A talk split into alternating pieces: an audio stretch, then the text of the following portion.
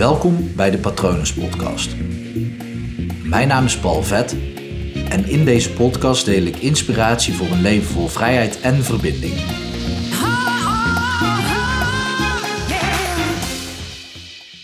Ik zag vandaag een filmpje voorbij komen van een plaat, dus een nummer, muziek. En, en het is één van de vetste platen die er is. Van Defected Records. Is een platenlabel en dat is house muziek. Maar als je aan house muziek denkt en je weet niks van house muziek, denk dan niet aan de hedendaagse house muziek. Maar nou ja, het filmpje zei genoeg. Er zat een orkest bij, een zangeres die zong de plaat en het werd dus helemaal live gespeeld. Nou, dat kan met uh, hedendaagse house muziek ook. Maar als je het niet kent, dan heb je misschien een heel andere soort muziek in gedachten. Dus het is gewoon lekker melodisch, het melodie in. Uh, natuurlijk zit er een beat in en het is gewoon heel erg. Nou ja, het bezorgt mij kippenvel. Heeft er ook mee te maken dat ik uh, zelf vaak heb gedanst op die plaat. En zelf heb ik die plaat nog vaker gedraaid dan dat ik erop heb gedanst. Al danste ik ook altijd als ik aan het draaien was. Maar dat, dat liet mij weer naar mijn oude platencollectie gaan. En die staat bij mij momenteel op zolder. En dat vind ik aan de ene kant jammer. Aan de andere kant, als ik hem een prominentere plek zou geven en ik zou draaitafels aansluiten, dan zou ik niet meer aan het uh, niet meer toekomen aan het opnemen van een podcast. Dan zou ik waarschijnlijk weer mixtapes gaan maken. Ik heb vroeger ook een radioshow gehad, of tenminste, ik maakte een wekelijkse mix en die werd in meerdere landen uitgezonden wekelijks op de radio. Dus ja, mezelf kennende is dat misschien beter voor niet. Maar ik ging door die platen heen en ik kwam daar één plaat tegen. En ja, die heb ik beluisterd. Want ik kon er alleen maar achter komen wat die plaat was door hem te beluisteren. Want wat er regelmatig werd gedaan vroeger, in die tijd, dat toen ik mijn platen kocht in de Magic Music Store hier in Breda, de oude platenzaak van Tiesto, die ja, heel veel platen, of tenminste heel vaak, regelmatig kwamen white label platen binnen. En dat, die zijn gewoon simpel te herkennen aan het witte label. En dan heb je dus het zwart van de plaat eromheen. En er staat verder niks op. Niks op de hoes en niks op het label. Dus white label betekent gewoon letterlijk, je hebt geen idee wie de artiest is. Je hebt geen idee wat de titel is. Maar je luistert naar de plaat. Zo kocht ik ook altijd muziek. Je luistert naar de plaat. Dus ja, dan moest je een plaat uit een bak halen de plaat uit de hoes halen, op de plaatspeler leggen, op de koptelefoon in de platenzaak ging je hem dan afspelen en dan ging je luisteren, oké, is dit een plaat die ik wil kopen, ja of nee? Uh, bij, uh, ik had altijd drie stapeltjes, ja, nee en misschien. En uh, dan ging je zo door naar de volgende. En dan was ik zo bedreven in geworden dat ik vaak binnen, ja, dan overdrijf ik niet, binnen 10 seconden, waarschijnlijk zelfs nog korter, wel wist of dat het in ieder geval een ja of een misschien zou zijn. En bij misschien zou ik hem iets langer luisteren en dan kon het nog steeds ja of nee of misschien worden. maar goed, daar kon ik dan alleen maar horen van oké, dit is een vette plaat. Geen idee van wie dat die is, maar ik neem hem mee en ik ga hem draaien. En ik weet nog dat ik uh, was dus door mijn platencollectie aan het gaan en ik heb hem beluisterd en ik weet gewoon oké, maar dit is die ene plaat die ik toen ik hem voor het eerst hoorde al zo vet vond dat ik er meerdere exemplaren van kocht. En waarom deed ik dat? Nou ja, kijk, een MP3, iets digitaals, kan je keer op keer blijven afspelen zonder dat het stuk gaat. Maar vinyl, vroeger, vinyl, als je dat die te vaak afspeelt, te vaak zo naald letterlijk op het vinyl zet en hem afspeelt, ja, dan gaat hij uiteindelijk gewoon stuk. Dan krijg je gewoon gebruikssporen en uiteindelijk kun je hem gewoon niet meer afspelen, want dan slaat hij een soort van over of er komen groeven in of hij begint te hard te kraken. En ik wist gewoon, oké, deze plaat die ga ik grijs draaien. Letterlijk wordt die plaat dan grijs. En dan heb ik meerdere exemplaren van nodig. Maar dat was niet de enige reden dat ik meerdere exemplaren kocht. Ik kocht er meerdere van, want op het moment als ik die plaat had en ik kon die plaat draaien en er waren maar een x aantal platen, er was nooit onbeperkte voorraad natuurlijk, van sommige platen kwam er zelfs maar één binnen, of twee of drie.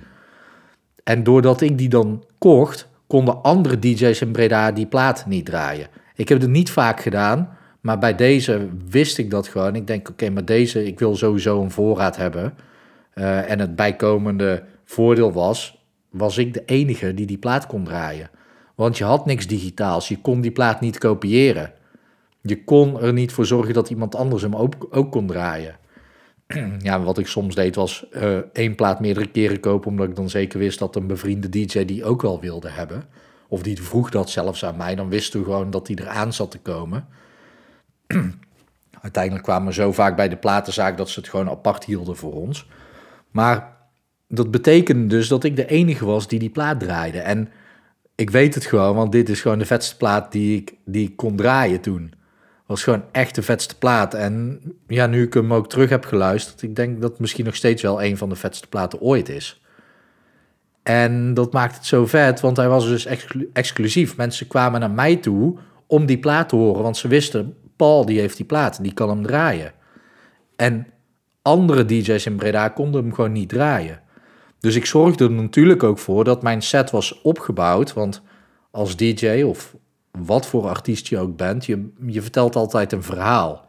En in een verhaal zit een climax. En de climax is niet de climax van de plaat, ja ook, maar de climax bij een, een DJ is die ene plaat waar je de rest van je set omheen bouwt. Of meerdere platen kan natuurlijk ook. Tegenwoordig hebben mensen meer uh, dopamine shotjes nodig, dus een kortere aandachtspannen. Uh, maar toen kon je gewoon, als ik een uur of anderhalf draaide, kon ik gewoon echt richting dat uur en een kwartier en dan die plaat draaien. En er zo voor zorgen dat die plaat precies goed viel. En dan ging de club los. Lukte dat altijd even goed? Natuurlijk niet. Maar dat probeerde ik wel. En die plaat was exclusief. Dus mensen kwamen wel aan mij vragen van ja, hoe heet die plaat? Maar ik had dus ook gewoon geen idee. Dus ze konden ook niet ergens anders gaan zoeken bij een platenzaak. Want ja, dat was er niet. En Shazam bestond nog niet. Uiteindelijk konden ze natuurlijk wel met andersoortige telefoons wel iets opnemen en daar dan mee naar een platenzaak gaan. Maar dan nog, als de platenzaak de plaat van horen wel kende, maar die had hem ook niet, ja, dan, dan ben je nog steeds exclusief. Dus dat was vet. En uiteindelijk, want een, een white label wordt vaak als eerste uitgestuurd om daarna de release erachteraan te sturen. En de, de, dus echt het moment dat die verkrijgbaar is voor alles en iedereen. En dan wordt die gewoon in grotere oplagen gedeeld. White labels werden vaak ook als promo verzonden, zodat er feedback gegeven kon worden. En dan kon ze aan de hand van de feedback konden ze bepalen hoeveel van die platen ze nodig hadden. Maar op het moment dat die dan uitkwam, kon opeens elke DJ die plaat draaien. En iedereen verlangde daarnaar. En dan draaiden ze die plaat op vrijdag en zaterdag in het weekend. En daarna was de plaat normaal geworden. Vanaf dat moment was hij niet meer exclusief, hij was gewoon normaal. En opeens is hij gewoon minder lekker, omdat hij normaal was. Omdat hij overal verkrijgbaar was. Hij was niet meer exclusief. En ik had dan weer een nieuwe exclusieve plaat gevonden. En ook al was dat geen white label, je zat toen altijd met het ding. Je hebt de fysieke plaat in bezit nodig om hem te kunnen draaien. Dat is ook gewoon een vorm van marketing, want marketeers die proberen nu altijd schaarste te creëren. Uh, bij therapeuten misschien, ja, er is een wachtlijst. Of uh, bij uh, events en seminars, ja, um, er zijn al 200 kaarten verkocht en we hebben er nog maar 33. Ik noem maar iets, hè. Dat is hoe er schaarste gecreëerd wordt. Maar toen was er echt schaarste. En die plaat was exclusief totdat hij niet meer exclusief was. Maar er waren er weer nieuwe platen exclusief. En de enige manier hoe ik dus exclusieve muziek kon blijven draaien, was door er moeite in te steken om exclusief te blijven. Om gewoon daaraan te werken, om ervoor te zorgen van oké, maar deze plaat die past bij mij, want dat is het ook nog. Ik kon een plaat op één manier brengen, waardoor die plaat in mijn set heel erg goed werkte. Maar in de set van een ander werkte hij niet goed. En blijf alsjeblieft bij me, want misschien is het iets te veel jargon wat muziek betreft. Maar als je het als artiest kan zien, of gewoon als metafoor voor je eigen leven, daar, daarom neem ik deze aflevering natuurlijk op, dan zie je dat exclusiviteit, dat je daar sowieso moeite voor moet doen om exclusief te blijven. Als je najaagt hoe andere mensen succesvol zijn geworden, dan kom jij daar dus uiteindelijk aan vanaf het moment dat het normaal is. Dus dan werkt het veel anders en minder goed, omdat jij dan niet meer exclusief bent. Diegene is namelijk alweer stappen verder. En het enige wat diegene doet, is zichzelf zijn. Want daar is er maar één van. En het enige wat jij hoeft te doen, is dus om exclusief te zijn, is ook gewoon jezelf te zijn. Want je bent al exclusief. Je moet het alleen even omarmen. Dat jij exclusief bent. En ja, dan klopt het nog steeds dat je daar dus moeite voor moet doen. Want het is heel erg verleidelijk om dus inderdaad achter die ene plaat aan te zitten. die bij die ene DJ zo goed werkt in hun set. Of in zijn of haar set. Die ene DJ die brengt die plaat. En die plaat is exclusief. Dus iedereen gaat los op dat moment. Dus wat wil, willen de andere DJ's? Die willen ook die plaat kunnen draaien. Want ze denken dat het met die plaat te maken heeft. Natuurlijk klopt dat, want die plaat is exclusief. Maar het heeft ook met die DJ zelf te maken, want geen enkele DJ-set is hetzelfde. Geen enkele DJ vertelt hetzelfde verhaal. Zelfs al zou die wel dezelfde platen achter elkaar draaien, dan vertelt hij nog steeds een ander verhaal met energie en met hoe dat je het brengt, met de overgangen, timing, met hoe dat de mix in elkaar zit. Nou ja, ga zo maar door. Hoe dat die beweegt, alles.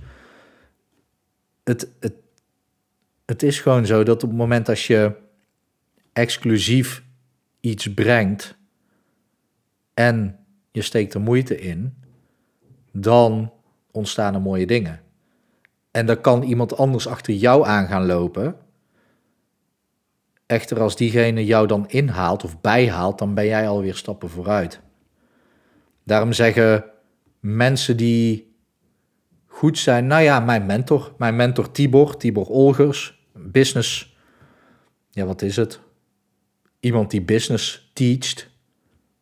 Hij predikt business en hoe je als ondernemer kunt leven. Um, ik zou hem, hij is meer dan een business coach, laat ik het zo zeggen. Maar hij, hij zegt ook, ja, kopieer me maar. Het maakt niet uit.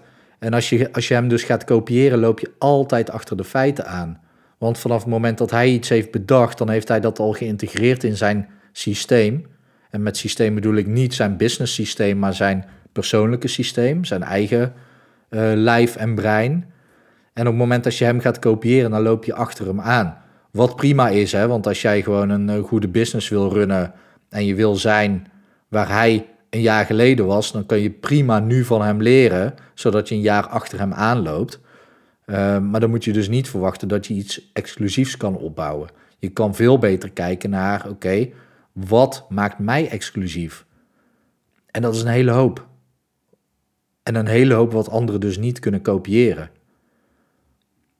En natuurlijk werkt het om de best practices van mensen die je volgt ook te gaan doen. Ja, ik geloof altijd heel erg in, oké, kijk naar de intentie achter wat zo iemand doet. Zo ook als je mij volgt, vind ik te gek en tof. Op het moment als ik tegen je zeg, nou, voor mij werkt het om, om vijf uur op te staan en dan minimaal 20 minuten te gaan lezen. Mijn intentie daarachter is groei, is persoonlijke groei. Steeds beter worden in hypnotherapie in dit geval. Of steeds meer dieper kennis over trauma's leren. ik roep dat nu op omdat hier twee van die hele dikke boeken voor mijn neus liggen over trauma. Maar dat is mijn intentie. En waarom doe ik dat? Dus mijn intentie daar weer achter is omdat ik er heel slecht tegen kan als ik iemand vast zie zitten in zijn of haar leven. Dan wil ik die blokkade ontrafelen. Dat is mijn intentie. Dan heeft het dus weinig nut ehm, om mij te gaan kopiëren, om om vijf uur op te staan en twintig minuten te gaan lezen, als jij die intentie niet hebt. Want ja, waarom zou jij twintig minuten over trauma's gaan lezen als jouw intentie is om een, ik noem maar iets, een vegan foodtruck op te zetten. Of om gewoon fijn een vrij leven te leiden. En natuurlijk op het moment als jij zelf tegen trauma's aanloopt in je leven, dan kan het raadzaam zijn om erover te lezen. Echter is het dan vaak veel effectiever om er daadwerkelijk mee aan de slag te gaan met een professional. Want als je iets leest, dan leer je wel iets over jezelf, maar werk je niet door je probleem heen. Maar goed, ik, uh, ik wijk heel erg uit. Het heeft weinig nut om iemand dus te kopiëren. Want als iemand mij had gekopieerd toen ik die plaat draaide, vanaf het moment dat die plaat uitkwam, dat was dan een aantal weken later, had ik weer nieuwe exclusieve platen. Dus mijn intentie was nieuwe muziek draaien. Terwijl dat helemaal niet hoeft. Maar dat maakte wie ik was. Ik vond het gewoon vet om de nieuwste platen te vinden en die exclusieve dingen te kunnen brengen. Dat, daar, daar ging ik op aan. Ik vond dat zelf gewoon te gek om dat te kunnen doen en daar mijn verhaal omheen te bouwen, om mensen te verwonderen, om mensen in vervoering te brengen, om de eerste te zijn waar jij die platen hoorde, zodat een bepaalde herinnering verankerd werd als ik dus aan het draaien was. Dus dan koppel je die herinnering aan, hey, ik was toen bij Paul Vet. Daarvoor deed ik dat. Maar ja, dat is dus iets heel anders als wat je als DJ, of tenminste, elke DJ heeft zijn eigen intentie. En elk mens heeft zijn of haar eigen intentie. Het is de intentie die jou drijft, die, die jou stuurt. En op het moment dat jij jouw juiste intentie wegzet en jouw exclusiviteit omarmt, dan gebeuren er gewoon mooie dingen. En ja, ga dan vooral niet achter de dingen aan waar de massa aan zit. Want tegen die tijd dat de massa echt uh, ergens achteraan zit, dan is dat al gewoon normaal en saai geworden.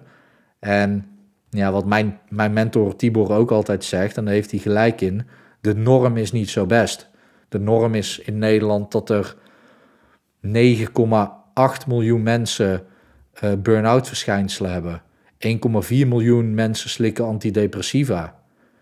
Meer dan 50% heeft last van overgewicht. Dus dat zou je allemaal de norm kunnen noemen. Dat dat normaal is. Ja, het is misschien beter om niet normaal te zijn. Eh, sowieso veel leuker om gewoon je eigen pad te banen. Baan je eigen pad, hak die, hak die bomen en die planten weg en stamp de grond aan, zodat je weer uh, ergens nieuws uitkomt. En wie weet wat er achter die ene boom of heuvel opeens te zien is qua uitzicht. Ja, verwonder je daarin en wees dus exclusief daarin. Want op het moment dat jij een pad volgt wat al is aangelegd, ja, dan weet je gewoon van ah, daarachter, ja, daar komt iets aan. Dan kan je het al aanzien komen. Op het moment dat jij zelf een pad baant, dan is het net dat die ene tak die je opzij schuift en dan opeens geconfronteerd wordt met een fantastisch uitzicht. Dat is wat exclusiviteit met je doet en wat jij dus ook al bent. Mocht je dit lastig vinden om echt, echt jezelf te kunnen zijn, dan loop je waarschijnlijk tegen een aantal blokkades in je leven aan. En daar help ik je dus graag bij. Kijk vooral op www.hypnopal.nl om te zien wat ik voor je kan doen. In het kort waar ik mensen het meeste mee help zijn uh, traumaverwerking, angsten, allergieën, stoppen met roken. Dat zijn de eenvoudigste dingen. Uh, wil je daarmee aan de slag, stuur me gerust een bericht. Via mijn website kan je heel makkelijk een bericht sturen. Je kan ook gewoon mailen naar patronen.palvet.com. Ehm, en via Instagram, Instagram ben ik ook goed te bereiken, hypnopal.nl. Ik hoop daarnaast dat het goed met je gaat. Ik hoop ook dat het goed gaat met dierbaren van je. En ik wens je natuurlijk ook nog een hele mooie dag toe.